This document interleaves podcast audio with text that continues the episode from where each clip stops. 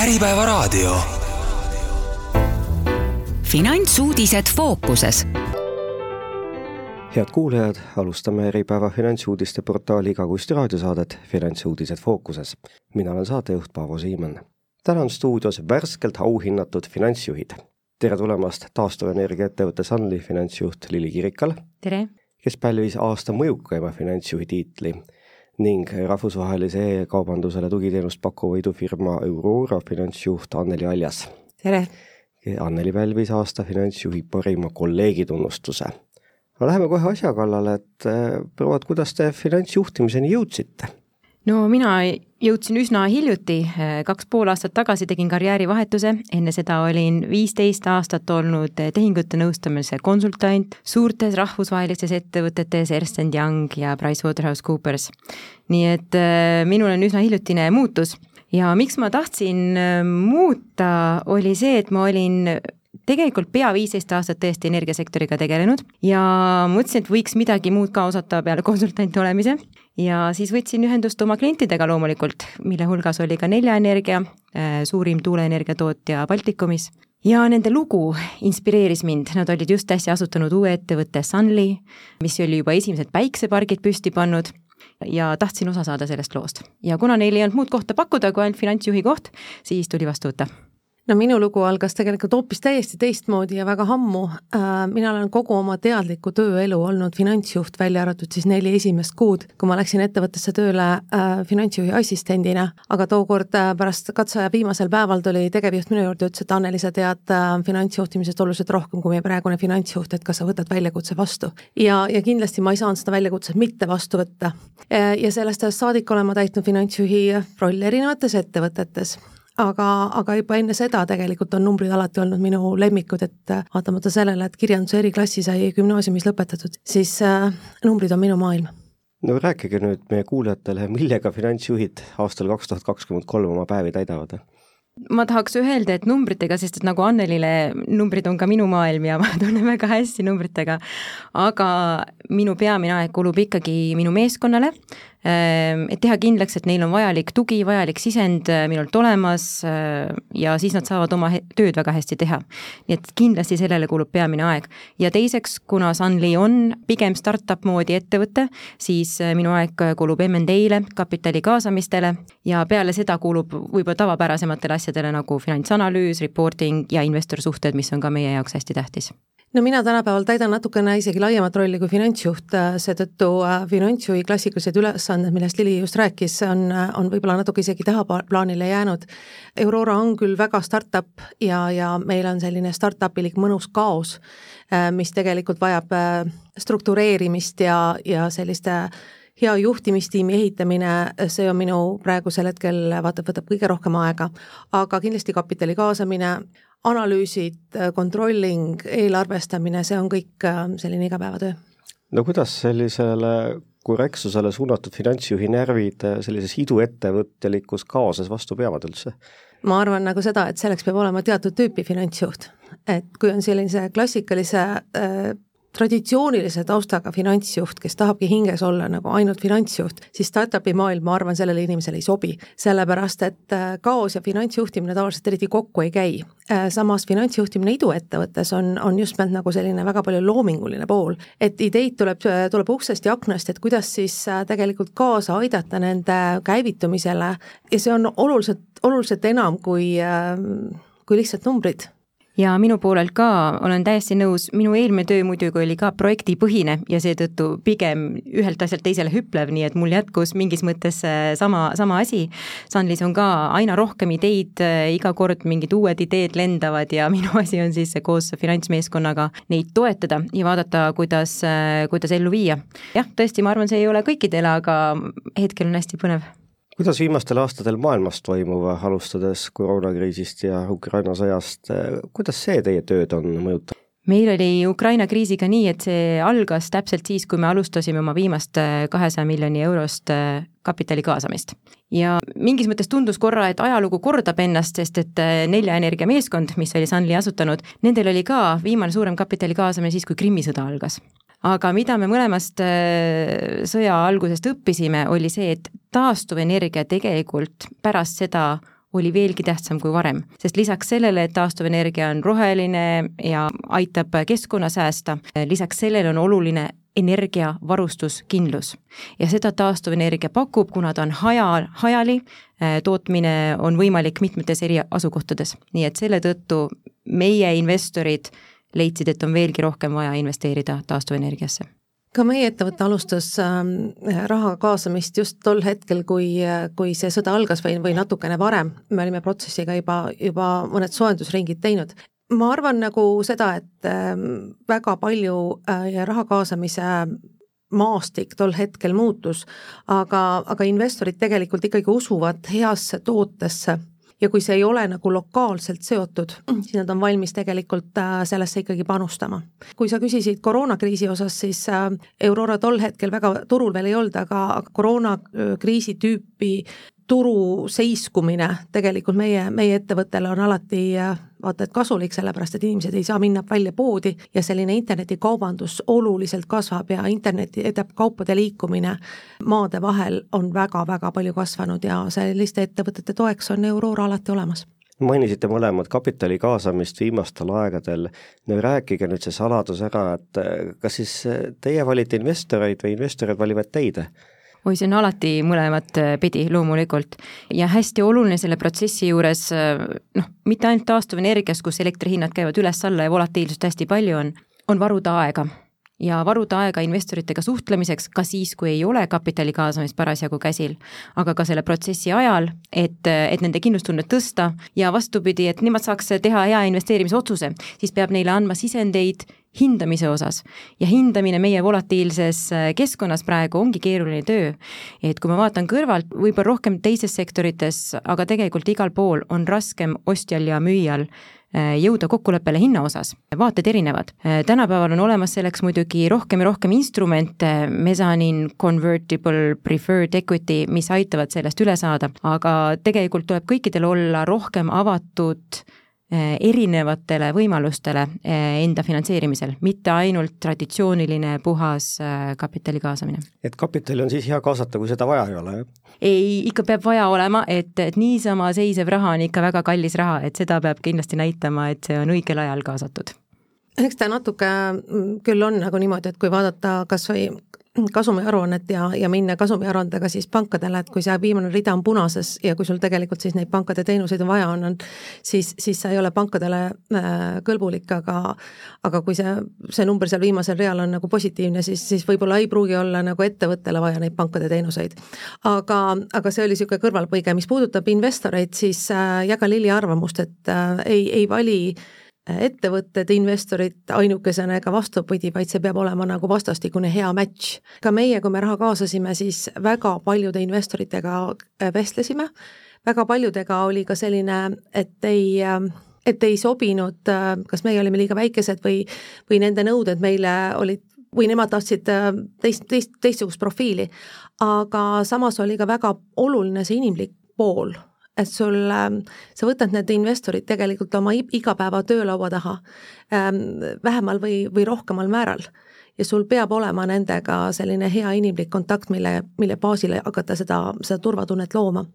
ning äh, meie jaoks oli tõesti väga omapärane vestlus meie investoritega sel hetkel, kui nad, kui nad meile laua taha tulid. et äh, olles teiselt poolt maakera, siis äh, nemad ju meid ei tunne ja nad on, meie olime ka nende jaoks kõige suuremad ettevõte ja kaugel ja kuidas siis, kuidas siis investeerida ja uskuda inimestesse, kellega sa ei ole koos ühes koolis käinud või kelle, kelle lapsed ei käi sinu lastega ühes balletitunnis või mis iganes. et äh, nende jaoks oli ka niisugune huvitav õppetund, äh, kuidas äh, tulla kaasa ettevõttesse, kes on kaugel ja, ja kes on nagu oluliselt suurem, mida nad siiamaani teinud on. millega te nad maha rahustasite? eks me pidime ikkagi veenvalt mõjuma ja, ja sellist turvatunnet looma kui aktiivsed teie investorid on, et kas nad panustavad ka nõu ja jõuga või, või küsivad iga päev mõningaid numbreid, kui tihedalt suhtlete oma investoritega? Äh, iga päev ei küsita numbreid, aga meie investorid on küll väga aktiivsed ja, ja meie nõukogu on ka väga laiapõhjaline, väga erinevad investorid sinna kaasatud ning me saame kindlasti head nõu äh, oma investoritel ja sellepärast äh, nendega aktiivselt suhtleme ka. eriti meie Prantsuse investorid, Mirova, kes on Natixis fondides tumeroheline investor, ainult äh, taastuvenergiasse põhimõtteliselt investeerib. et neil on ka teisi äh, mingis mõttes sarnaseid ettevõtteid mujal Euroopas näiteks ja ma arvan, et küsimused, mis nad küsivad, on, on hoopis teise kvaliteediga, et me oleme väga õnnelikud, et nad meil on meil on ka erinevad investorid, aga eh, ja osadega me räägime rohkem ja osadega vähem, aga eks igast asjast õpp, saab õppida ja tegelikult äh, vajame pigem investoreid, kuhu me, me oleme tänaseks sinnamaani jõudnud, kes, kes suudaksid meid toetada just nimelt globaalse kasvu juures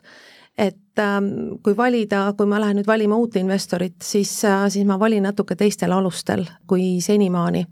ning äh, tõesti, kas investor suudab sind äh, aidata ka rohkem kontaktide loomisel, vähemalt nende tutvustavates brošüürides räägitakse ka väga paljusi, väga palju ka inimeste otsimise toetusest või, või leadership'i toetusest, meie neid pooli veel näinud ei ole, nii et ma arvan, et järgmist äh, kaasa, raha kaasamisraundi ma teen natukene teistel alustel, kui äh, see eelmine oli. no mida te soovitate üldse nendele ettevõtjatele, kes hetkel kapitali kaasavad?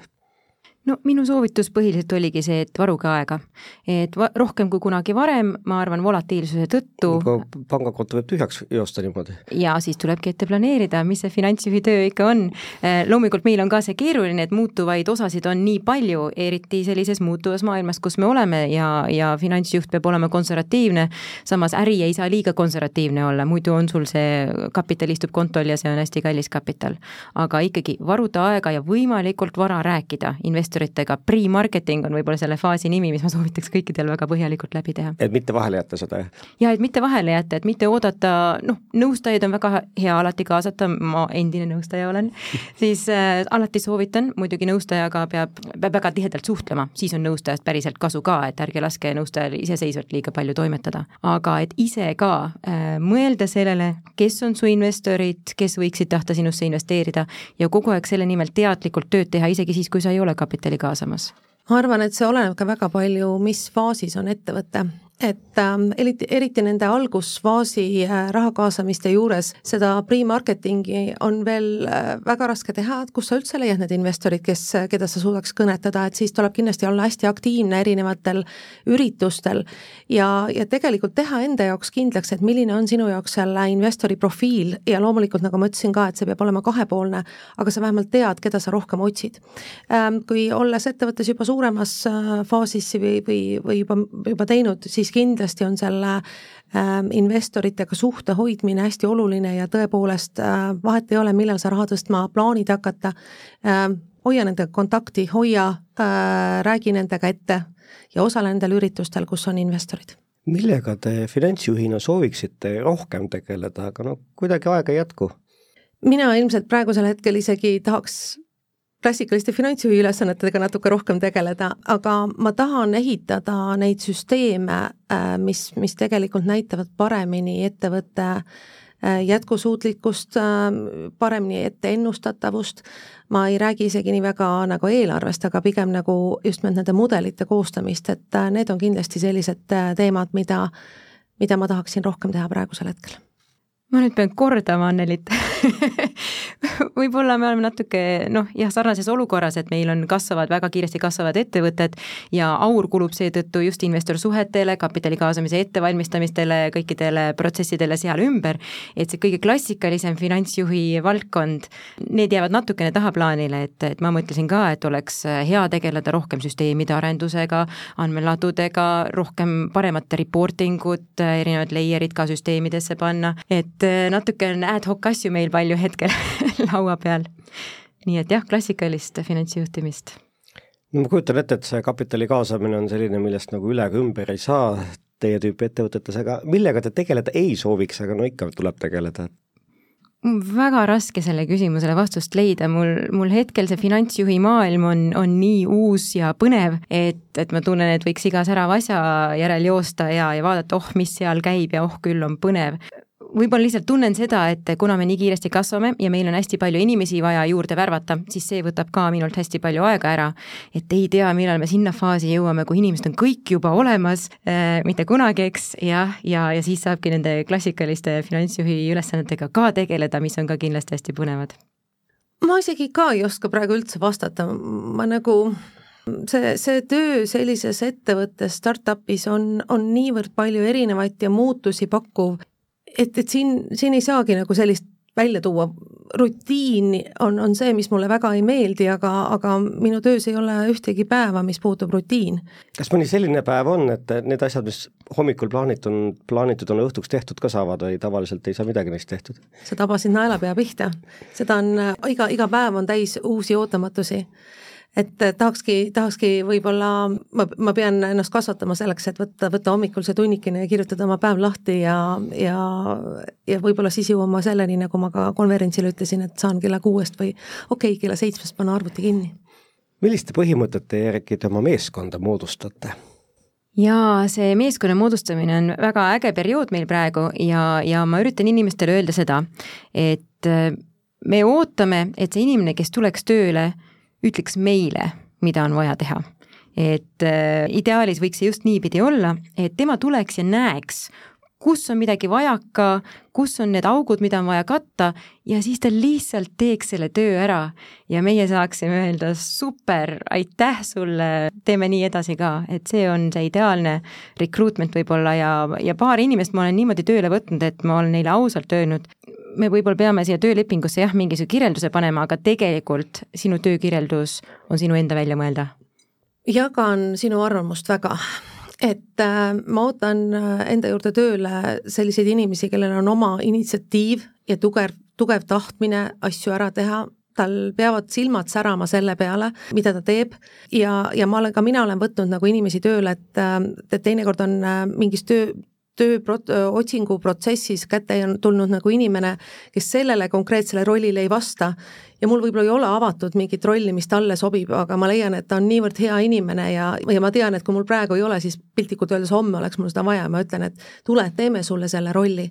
aga just nimelt seda, seda sisemist põlemist on nendel inimestel vaja ja, ja loomulikult olles ise suhteliselt äh, kiire inimene ja jõuline inimene, siis, siis mulle sobivad väga sparringupartnerid, kes suudavad minu pallide, pallid vastu võtta ja tagasi sööta sama kiiresti, kui mina neile seda teen. no võtame seda juhi töö nagu teist otsa ka, et olete vallandama ka pidanud? kindlasti ja see ei ole kindlasti äh, lihtne protsess, et vallandamisi on ka mitmetel erinevatel põhjustel äh, vaja teha, et kas äh, inimene ei täida oma, oma tööd hästi, see võib tähendada seda, et, et ta lihtsalt selle rolli peale ei sobi ja, ja, ja on võimalik panna ta inimene mõne teist rolli katma, mis sobib talle paremini. ühtpidi võib-olla oma osakonna vaates on see vallandamine, aga teises mõttes ma ikkagi teen sellisele inimesele head, et ei ole keegi õnnetu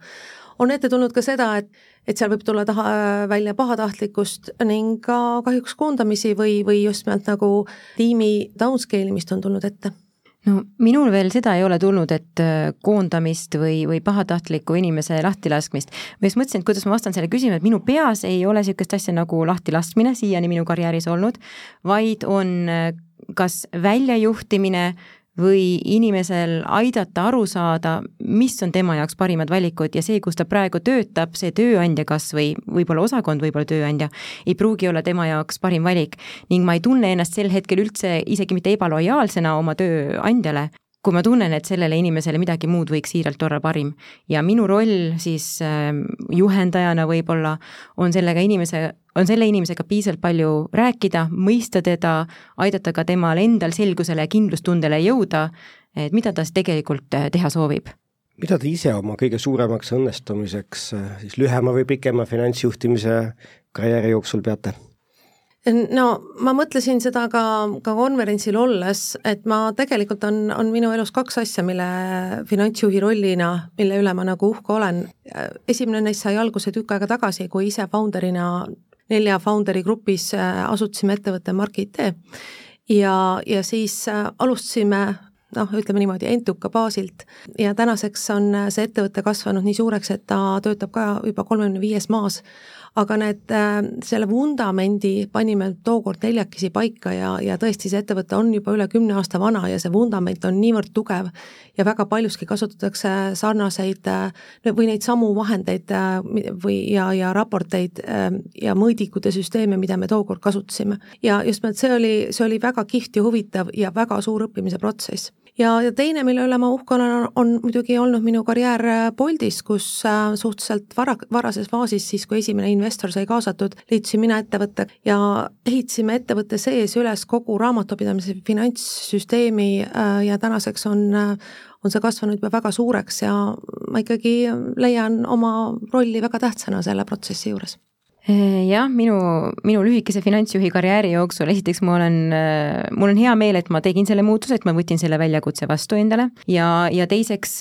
ikkagi need kapitali kaasamised, esimene aasta, kui ma tulin kohe Äh, viskusin põhimõtteliselt kapitali kaasamise protsessi, selle käigus õppisingi ettevõtet tundma ka, sealt tuli kakskümmend kaheksa miljonit eurot ja teine aasta sinna kohe järele kakssada miljonit eurot. et ma tahaks muidugi siin öelda, et finantsjuhil nii-öelda tühjast kohast midagi üles ehitada ei ole võimalik, et see ei ole ainult finantsjuhi kuidagi teene, et kapital on kaasatud. see tähendab, et kogu organisatsioon oli selleks valmis, neil olid ideed, olid tuleviku väljavaated ja juba ette näidata tõestatud äh, edulood ka. et minu roll oli siis seda protsessi kaasa aidata ja, ja mul on hea meel, et see õnnestus. millised on suuremad õppetunnid siiani? Ma arvan, et minu õppetundidest äh, on olnud äh, oluliselt valesi personalivalikuid. ja see on pannud äh, väga palju mõtlema seda, et milline juht ma olen, mida ma oma inimestelt ootan ja, ja kuidas ma, nii nagu sa ennem ka küsisid, kuidas nagu üldse seda tiimi üles ehitada. Loomulikult erinevaid huvitavaid asju on läbi käinud ka nagu päris nagu oma töövaldkonnast aga jah, mingit suurt ämbrit otseselt tuua ei saa, me oleme siin Liliga juba naernud, et finantsjuhtidel on jalad märjad niikuinii kogu aeg. aga mis see nipp on, et kuidas siis valesid värbamisi vältida nüüd, et mis see sinu õppetund on? usalda sisetunnet ja, ja kui sul ikkagi mingisugune kellake kuskil ähm, peas tööle lööb, siis, siis seda tuleb uskuda, et sellel on ikkagi mingi põhjus, et kui inimesi on värvatud juba sellistes hulkades, nagu, nagu, nagu ma olen oma, oma karjääri jooksul seda teinud, siis on tekkinud mingisuguse, mingisugune selline sisemine tundmine, mis on hea ja mis on mitte hea ja ei tasu kunagi leppida äh, sellise vahepealse hea lahend-, vahepealse lahendusega. kui seda head ei tule, siis alusta otsingut otsast peale ja minul ka võib-olla kahte sorti õppetunnid, ühed on inimestega seotud, ma ütleks võib-olla niipidi, et oma karjääri algusaegadel ma sain väga noorelt meeskonnajuhiks ja ma ei osanud oma inimestega tegelikult midagi peale hakata, sest ma olen ju see numbriinimese spetsialist ja, ja, ja suurimad õppetunnid on siis seotud sellega, et äh, noh, ma avastasin, mul võib-olla ei ole seda kaasasündinud annet äh, näha inimeste sisse, saada nendest kohe aru. Ja ma pean lähenema sellele kogu aeg väga teadlikult, äh, mitte unustama küsida, looma seda õhkkonda, kus nad loodetavasti saavad siis päriselt öelda ka välja, mis toimub ja mitte leppima selle vastusega, et kuidas läheb hästi, okei okay,, lähme edasi jah, see on minu võib-olla kõige suuremaid õppetunde inimeste perspektiivist ja teisest äh, perspektiivist minu enda kohta ja teine on see, mida ma alati soovitan, nagu tänapäeval on ka moes, mõtle oma peaga, eks. seda ämbrit ma ei tee väga tihti, aga mingil hetkel on tulnud mulle selline olukord, et mulle tundub, minu ümber on väga targad inimesed ja ma peaks kuidagi võtma seda, mis nad mulle ütlevad, no forgiven isegi kui ma loen mingi lepingu läbi ja ütlen, et mm, no siit saab võib-olla kahte moodi aru saada, teie ütlete, et peaks ühtemoodi aru saama, ma võiks ka teistmoodi aru saada, et ei, ei, ei, ära mõtle rohkem, ära tegele sellega, sellest on kõik niimoodi aru saanud. Soovitus on siis ikkagi härjal sarvist haarata, mitte kunagi peita pead liiva alla, eriti kui on risk, et halvad uudised tulevad, et seda ka konsultandi karjääri jooksul, et kui on risk, et halvad uudised, kohe kõigepealt seda adresseerida, eriti kui on olulised teemad, mitte jääda ootama, et kas realiseerub risk või ei realiseeru risk? ma arvan, et Lili sõnastas seda praegu väga hästi, mõtle oma peaga, ära usu seda, et kõik, mida sulle räägitakse, on õige. ma arvan, et see on niisugune kuldlause, äh, mis peaks iga, iga inimene, mitte ainult finantsjuht seina peale panema, aga finantsjuht eriti kui palju te nagu kolleegidelt üldse ootate, et nad finantsidest jagaksid või finantssõnavarast aru saaksid või suudaksid teiega vestelda või? mul on äh, olnud äh, väga toredaid kolleege, kellel on, on ka äh, majanduse äh, haridus ja sealhulgas siis tuleb ka kindlasti finantsjuhtimist sama, omajagu kaasa ähm,. on tore, et nad saavad äh, üldistest põhimõtetest aru, et väga keeruline on, kui on, on inimene, kes ei saa nagu sellisest klassikalistest põhimõtetest aru ja, ja siis äh, raiub oma, aga ei pea terminoloogiat valdama ma olen väga nõus, terminoloogiat ei pea valdama ja, ja eks meie ülesanne ongi keerulisi asju lihtsamalt seletada. ja, ja kas või noh, investorite jaoks materjalide kokkupanekul, nõukogu jaoks materjalide kokkupanekul, äh, finantskonverentsil oli juttu ka sellest, mitte keegi ei taha näha kuuskümmend viis lehekülge Exceli tabelit nõukogu materjalides, mitte keegi. et hästi oluline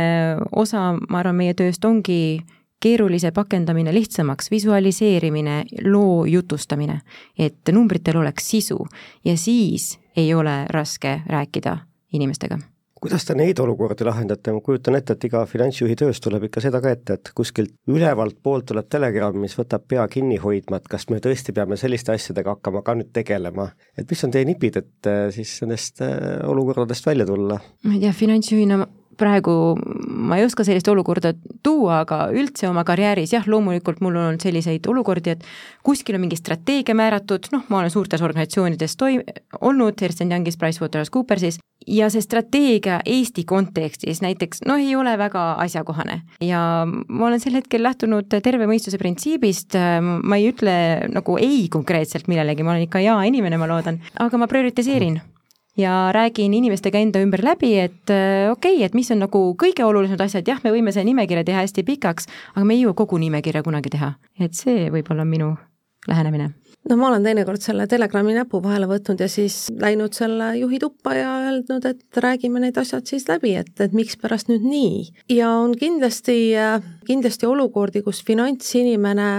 näeb erinevaid riske rohkem ja, ja ei ole valmis suure hurraaga nende, nende mõtetega kaasa minema, aga, aga räägime läbi, et küsimus ei olegi, et mida, vaid pigem see, et kuidas. Kui palju te iduettevõttes tegevust ette planeerite, et kas te nagu aasta eelarvet üldse teete või ei ole nagu vajadus, et piisab nagu kuu, kuude kaupa või kvartalite kaupa mõtlemisest, et ei, ikka on vaja aastaeelarvet, et see on, see on igasuguse läbipaistvuse jaoks juba hästi oluline, et ma alati võrdleks ennast millegagi.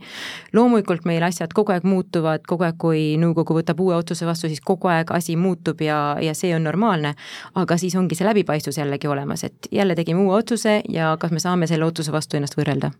kindlasti neid eelarveid äh, peab tegema, et ähm, investorid küsivad neid juba ka ja seda on vaja selleks, et rahavoogusi planeerida. ja seda on vaja selleks, et inimeste fookust seada ja see on, neid on vaja selleks, et inimesed, et ettevõte lõpuks saavutab oma tulemused, et kui need plaanid ei ole piisavalt konkreetsed ja täpsed, siis, siis öeldes, et ma ei tea,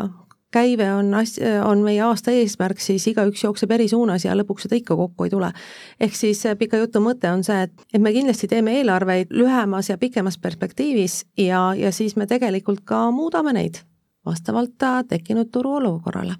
kui palju te sisekommunikatsioonile rõhku panete, et äh, kas töötajad peaksid nagu aru saama, et ettevõte läheb hästi või halvasti või, või tegelikult see on ikkagi pigem nagu juhtkonna info ja nõukogu info? Kuna meil on ka optsiooniprogramm käimas, siis meie kohtleme oma töötajaid juba kui investoreid. ehk siis samasugune raporteering, nagu läheb investoritele, läheb meil ka töötajatele, meil on kõned, kus me selgitame seda, vastame küsimustele, et meie jaoks on see hästi oluline, et töötaja teaks, mille nimel me töötame, et tema töö on laiem kui tema väike tööülesanne võib-olla, et ta ka mõtleks laiemalt ja oleks julgustatud laiemalt mõtlemast ja aru saamast, mis on tema töö ja tema kolleegide töö tulemus ma olen olnud ettevõtetes, kus on optsiooniprogrammid, aga, aga sellist lähenemist, nagu Lili just kirjeldas, pole ma veel kordagi näinud. aga vastates, Paavo, sinu küsimusele, töötajad kindlasti tahavad teada ja, ja, ja see on, see on selline nööril kõndimise tunne vahetevahel, et kui sa tahad inimestega jagada häid uudiseid, aga kui veel häid uudiseid ei ole, siis kuidas öelda seda niimoodi, et,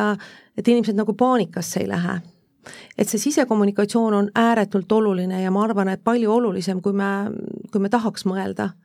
aga jah, kuidas siis öelda neid asju julgustavalt ja ja selliselt, et see inimestele mõjub nagu hästi ja, ja ja nad ei, ei läheks nagu, ei hirmuks. aga võib-olla selle võti ongi nagu see, et kui sa järjekindlalt annad seda, seda informatsiooni nendele, siis nad, nad saavad aru, et, et sa ei tahagi midagi varjata, et pigem ongi nagu, ma arvan, et selline inimlik hirm nagu, et kas minu eest varjatakse midagi olulist, mida ma ei tea ja mis mul oleks inimesena vajalik teada. Et lisaks järjepidevusele, millega veel saab siis halbu uudiseid pehmendada, et tuba laiali ei jookseks? Alati peab olema ka siis info selle kohta, mis, mis tuleb järgmisena või mida, mida ka juhtkond teeb selleks, ka halvad stsenaariumid ei, ei ei realiseeruks või see, et ähm, kuidas me sellest olukorrast välja tuleme, et mis siis, mis need on, need tegurid, mis seda tegelikult, seda olukorda on, on selliseks teinud ja mida, mida meie kui tiimina koos saame teha sellest väljatuleku? me rääkisime siin, et Aurora ja, ja Sunly, aga noh, tegelikult äh,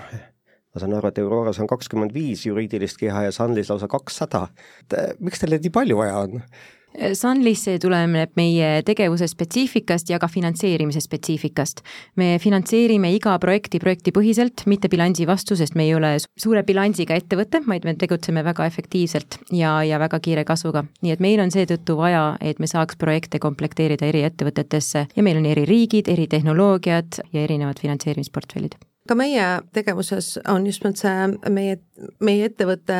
tegevus see, mis tingib nii suure hulga juriidiliste kehade olemasolu ja, ja tõesti töötajaid ei, on meil all, alla kümne ettevõtte. aga äh, meil on olemas liidestused erinevate riikide tollidega ja maksuametitega ja selle jaoks on vaja kohalikku juriidilist keha. kui palju te olete suutnud äh, tööprotsessi automatiseerida? tooge mõned head näited kuulajate inspireerimiseks või teil ei ole selleks aega, sest kapital vajab kaasamist kogu aeg? Sunlis kindlasti kapital vajab kaasamist, eks selle kahesaja keha tõttu noh, meil raamatupidamises ikka on muidugi automatiseeritud mingid protsessid, aga kuna meil ka muutub nii kiiresti, asjaolud muutuvad, siis nagu ma varem ütlesin ka, väga põnev oleks just nimelt tegeleda selle IT-süsteemide arenduse automatiseerimise protsessiga, aga meil liiga palju ei ole veel automatiseerida, sest neid standardseid protsesse ei ole nii palju tekkinud veel me oleme üht-teist automatiseerinud, aga, aga Auroras me oleme selles osas ikkagi veel väga varajases faasis, et, ähm, et seda kaost, mida, mida struktureerida, on oluliselt rohkem. küll on minu varajasemas elus olnud äh, või karjääris selliseid äh, häid näiteid ja tulles tagasi just Markiti juurde, siis, äh, siis meie jaoks näiteks ühe aasta niisugune kõige tähtsam mõõdik oligi automatiseerituse indeks, mis näitas, milline osa, milline protsent meie tehingutest läbis meie süsteemid sellisel kujul, et mitte ükski inimene inimene seda ei puutu. alates sellest, et klient teeb ostutellimuse ja, ja siis sellega, et klient nagu tasub selle ostutellimuse eest, et kõik need protsessi erinevad osad pidid olema automatiseeritud. ja see oli väga hea õppetund meile ja, ja kuidas seda siis üles ehitada ja tõesti, äh, see võimaldab tegelikult ettevõttel kasvada oluliselt kiiremini ja ei vaja nii palju inimesi ega, ega ka rahalisi ressursse mis on hetkel kolm kõige olulisemat juhtimismõõdikut teie jaoks, mida te kas siis iganädalaselt, igapäevaselt, igakuiselt äh, jälgite? no meil on kaks kõige olulisemat mõõdikut, üks on äh, kasum EBITDA tasemel ja teine on ehitusvalmis projektid, sest see on meie nii-öelda tuleviku edu kõige olulisem alus. et iduettevõte mõõdab kasumit? Eh, ikka ja, sest noh, meil on ka juba eh, töös olevad eh, pargid, et me ei ole mitte ainult unistustega, vaid meil on päris, päris varad ka olemas ja mis toodavad raha no meie oleme veel sellises faasis, et meie, meie jaoks just praegu on käive kõige olulisem ja, ja käive erinevate tootekomponentide või erinevate toodete lõikes, et ma midagi muud sinna juurde hetkel isegi ei tooks. kui palju te valitsuse moodustamise läbirääkimistel ja koalitsioonilepingutele kaasa elasite või, või need väga teid ei puuduta? Meie valdkonda küll puudutasid taastuvenergiat, jah, oluliselt puudutasid ja, ja rõõm näha, et koalitsioonilepingus on väga konkreetsed kavad ette nähtud, mida, mida taastuvenergia arendamiseks teha, riiklikud nii-öelda toeprogrammid äh, ja hästi oluline veel ka, et kui palju taastuvenergiat soovida turule saada ja meil on see soov, siis on hästi oluline salvestustehnoloogia, sest mis juhtub siis, kui tuult ei ole ja päikest ei ole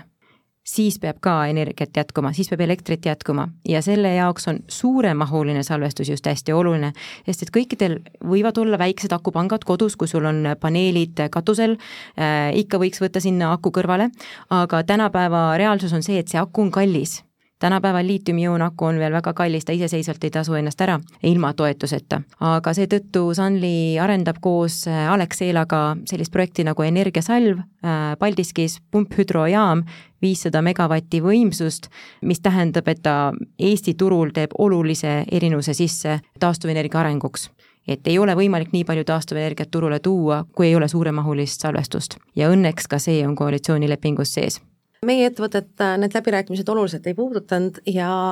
lihtsalt on väga hea tunne, kui on ähm, riigi eesotsas äh, tiim, kes ettevõtlusesse positiivselt suhtub. kas te oma isiklikku vaba raha pigem säästate või investeerite? Kes on majandust õppinud, sellele ikka räägitakse söögi alla, söögi peale. ära pane kõiki äh, nii-öelda palle samasse korvi. ma ise olen küll halb näide sellest, sest et äh, minu raha on enamasti Sunlisse investeeritud ja mu abikaasa raha LHV-sse, kuna tema töötab seal, aga muidu me ikka oma perele, tuttavatele, kõikidele soovitame hajutamist ja fondidesse investeerimist vastavalt nendele riskieelistustele selle peale küsiks, et kas äh, kingsepa lapsed käivad ikka palju jalu? just äh, ka, ka mina olen äh, väga palju ikkagi läbi optsiooni ja osalusprogrammide seotud nende ettevõtetega, millega ma, millesse ma olen ise panustanud ja, ja siis ähm, investeerin ka oma laste haridusse, selleks et ühel päeval nemad saaksid mind aidata, kui, kui oleks vaja, koputame puud, et seda kunagi vaja ei lähe, aga, aga, aga kindlasti oluline on panustada oma laste haridusse. optsioonid on meil mitu korda täna läbi käinud jutust, et eh, kas iduettevõtlus ja optsioonid, need on nagu lahutamatud, et kas kõikidel töötajatel peavad optsioonid olema või, või kuidas teie kogemus on, et milline on üks toimiv optsiooniprogramm? mina usun seda, et peab aga, aga selles osas äh, sellise teadvuse või teadlikkuse tõstmisega tuleb väga palju tööd teha. ja ei ole kindlasti hea, et, et see on umbes äh, nagu linnuke kasti, et meile kõikidel töötajatel on optsiooniprogramm, kui see, see optsioonide osa on niivõrd väike, mis tegelikult inimesi ei pane teistmoodi toimima ma arvan et, et jah, peab, aga, aga seda me peaksime ka meie oluliselt veel restruktureerima nojah, mina olen ju ainult ühte optsiooniprogrammi näinud äh, ja ma ütleks ka, et hästi oluline on, et see inimeste teadvuses püsiks ja et nad saaks aru selle programmi väärtusest, et selle tõttu on oluline, nagu Anneli varem ka ütles, sisekommunikatsioon. Ja mida see tähendab kõikide jaoks, kuidas seda optsiooniprogrammi aru, kuidas sellest aru saada ja mida see tähendab tuleviku jaoks inimestele minu kogemuse baasilt on ka tegelikult see, et ähm, optsiooniprogramm võib osutuda tegelikult äh, ka töötaja jaoks üsna keeruliseks äh, selles osas, et kuidas tekitada sellest optsiooniprogrammist likviidsust siis, kui on vaja. meil on, äh, me kõik teame edulugusid selles osas, aga need on sellised üksikud head näited ja kindlasti on palju väikseid näiteid, millest kõva häälega ei räägita. on tõeline väljakutse, kuidas tegelikult sellest optsiooniprogrammist likviidsust tekitada ja see on kindlasti ettevõtte juhtidele väga oluline läbi mõelda ja, ja võib-olla ka uusi ettevõtteid, kes sellise, sellist likviidsust optsiooniprogrammidele saaksid ettevõtetele luua koolilõppude aeg on tulemas ja paljud noored peavad hakkama valikuid tegema ja millist eriala õppima minna, et kas te soovitate arvestuse ja rahanduse teemasid õppida või peaks hoopis millegi muuga tegelema? no kui mina mõtlen endale kui ma olin siis noh, jah, kaheksateist ja pidin otsustama, mis ma teha tahan. mina olin üks nendest, kes tõesti ei teadnud, mida ma siis tahan teha, mulle meeldisid paljud asjad, numbrid, ma teadsin, et meeldivad, aga tundus, et ainult numbritest jääks väheks, et võib-olla matemaatika, füüsika jääks väheks. ja kuna ma ei teadnud, mida teha, siis mõtlesin, no aga majandus ikka mööda külgi alla ei jookse. Ja oli, oli väga õige, seda mõtte, selle mõtte pani mulle pähe küll äh, mitte mu perekond, vaid mu tänaseks abikaasa, kes ise läks sama asja õppima, aga, aga tuli välja, et see oli just minu jaoks mõeldud, sest mulle meeldisid nii numbrid kui ka inimestega suhtlemine ja noh, laiem, laiem maailmavaade. et väga kasulik ja mina küll soovitan kõikidele ma arvan küll, et, et kui, äh, kui sellel noorel inimesel on teatud kirg äh, mingi muu valdkonna suunas, siis seda kirge tuleb jäl-, järgida. meil on kindlasti vaja väga häid õpetajaid, väga häid äh, loomaarste, väga häid insenere ja kõike muud rolle, mida ma, mida ma siin ka ei nimetanud, aga kaheksateistaastaselt või üheksateistaastaselt, kui seda, see kool lõpetatakse, siis tõesti võib olla situatsioon, kus sa ei tea ja väga toetan seda head mõtet, et äh, kui midagi targemat ei, ei oska, siis võta see majandus. Ja majandusest tuleb ka väga palju säravaid, äh, säravaid tähti ja sealt tuleb väga palju niisugust üldinformatsiooni, mis on vaja kõikidel erinevatel elualadel. aga ma julgustan kindlasti sealt ka väljapoole vaatama. et mina suhteliselt alguses sain aru seda, et on vaja näiteks äh, juurat sinna juurde, on vaja rohkem aru saada turundusest ja just nimelt kombineerida seda, seda majandusteadmist targalt teiste erialadega. kuidas te ise praegu ennast täiendate, koolitate? No peamiselt äh, selle kaudu, et räägin teiste tarkade inimestega, loodetavasti saan Anneliga ka hiljem pikemalt äh, rääkida, kes on, kes on minust palju pikemalt finantsjuhtimist teinud, et äh, läbi ikkagi inimeste ja kontaktide ja konverentsil saab ka tuttavaks põnevate inimestega. mina olen viimasel ajal väga palju hakanud lugema raamatuid, podcast'e kuulanud, et nüüd, kui kevadel on ilmad jälle soojemad, siis mu koer saab pikemaid jalutuskäike, kui mina podcast'i kuulan. ja mul on ka omal mentor, kes äh, aitab minu mõtteid selgitada ja minu enda jaoks. vahet ei ole coach või mentor, äh, neil on natuke erinev profiil, aga, aga peaasi, et sul on keegi, kellega rääkida oma erialast. Te mõlemad osalesite ka viimasel finantskonverentsil, mis teil sealt kõlama jäi? jäid kõlama mitmed asjad, aga mulle tundus, et see esimese päeva jooneks sai äh, mitte lihtsalt finantsjuht kui numbrite inimene, vaid finantsjuht kui inimene koos oma nõrkustega, koos võimalustega läbipõlemiseks, koos raskete tööhetkedega, sellega, et sa ei ole alati hea kõiges, milles sa ette võtad, mida sa ette võtad ja kuidas sellega ikkagi toime tulla, loodetavasti õppida ja läbi selle natuke paremaks saada finantsjuhi roll on palju laiem, kui seda klassikaliselt on harjutud äh, mõtlema. nii et ma loodan, et, et see julgustab, äh, see sõnum julgustas palju neid inimesi, kes seal konverentsil olid, need olid küll ka finantsjuhid, aga aga seal oli ka kindlasti palju teiste valdkondade esindajaid, kes võivad kasvada veel tulevikus finantsjuhiks ja, ja minu arvates selline ka enda haavatavuse näitamine sellisel, sellise konverentsi käigus on, on väga hea mõte näidata, mida see finantsjuhtimine tegelikult tähendab. kui suure tõenäosusega me